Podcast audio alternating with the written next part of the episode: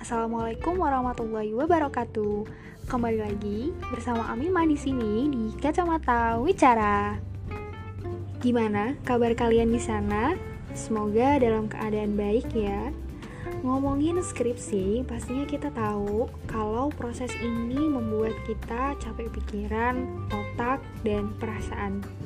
Tapi jangan khawatir karena setelah skripsi berakhir, nantinya akan terbit wisuda. Well, wisuda ini jadi momen yang paling ditunggu-tunggu mahasiswa. Setelah kuliah, skripsian, ngerjain tugas dengan berbagai macam dramanya, wisuda ini jadi momen puncak e, masa kuliah kita. Tapi teman-teman, setelah kita selesai mengerjakan skripsi terus sidang, nantinya sebelum wisuda kita akan menghadapi proses yang panjang seperti revisian, pemberkasan, dan nunggu hari H wisudanya. Jadi, waktu luang yang kita punya akan lebih panjang. Boleh banget untuk manfaatin momen ini buat seneng-seneng karena kamu udah berjuang buat ngerjain skripsi kamu. Nah, aku punya beberapa tips hal-hal apa aja yang bisa dilakukan sembari menunggu wisuda biar gak garing-garing banget Langsung aja ya. Yang pertama, liburan.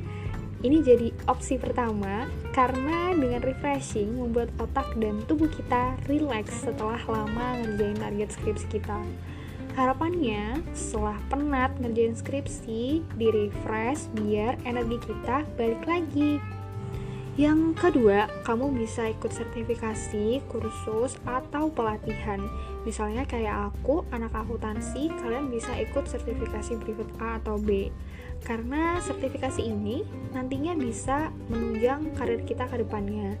Dan dengan sertifikasi ini menunjukkan bahwa teman-teman ini kompeten loh di bidang tersebut. Yang ketiga, memulai bisnis. Buat teman-teman yang tertarik untuk bisnis, kalian bisa memulai rintis bisnisnya atau teman-teman juga bisa membantu bisnis keluarga kalian. Dan yang keempat, mempersiapkan studi lanjutan.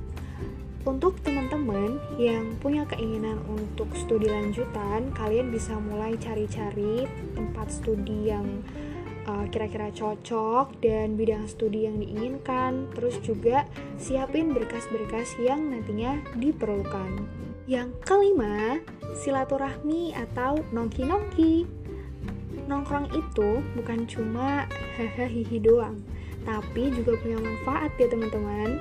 Dengan nongkrong, kita bisa saling bertukar pikiran, bertukar ambisi, memperluas networking, dan saling belajar satu sama lain.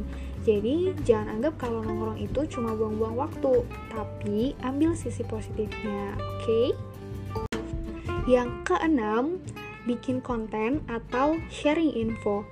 Sekarang ini banyak sosial media yang menjadi wadah untuk kita berekspresi, kayak YouTube, podcast, dan lainnya teman-teman bisa mulai bikin konten sesuai dengan karakter kalian dan apa yang kalian suka. Kalian bisa sharing ilmu atau wawasan yang kalian punya, biar nggak cuma bermanfaat untuk diri teman-teman, tapi juga untuk orang yang melihat atau mendengarkan. Misalnya kayak YouTube. Akhir-akhir ini YouTube jadi salah satu sumber penghasilan terbaru.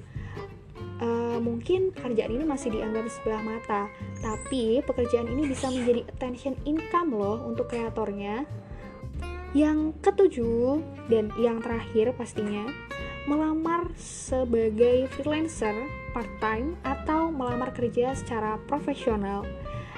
Ini yang aku lakukan dulu waktu aku uh, nunggu wisuda. Jadi dulu aku mengisi waktuku dengan ngajar sebagai guru SD dan juga buka bimbingan belajar dan setelah aku sidang aku langsung ngelamar kerja secara profesional siapin CV, lamaran kerja, dan lain-lain intinya dari poin-poin yang udah aku sampaikan jangan sampai waktu nunggu teman-teman dihabiskan dengan diam-diam aja. Karena kemungkinan besar malah akan bikin kita ngerasa overthinking dengan keadaan yang kita alami saat ini. Ya kan kita kan sebagai mahasiswa yang mau lulus dan mau memasuki dunia kerja. Jadi ibarat kita ini sedang mengalami masa peralihan kemungkinan besar kita akan mengalami pikiran-pikiran negatif. So, jangan sampai kita nggak ngapa-ngapain, sibukkan diri kita dan jauhi pikiran-pikiran negatif itu. Keadaan apa pun yang sedang kita hadapi saat ini, yang terpenting adalah jangan diam, tapi tetap lakukan apa yang bisa kita lakukan. Oke, okay, sekian podcast singkat kali ini. Senang bisa sharing sama teman-teman. Untuk yang mau kirim kritik, bisa DM aku at Pramuditam di Instagram atau kalian juga bisa kirim ke akun Anchor di Kacamata Wicara. See you next episode teman-teman. Bye bye.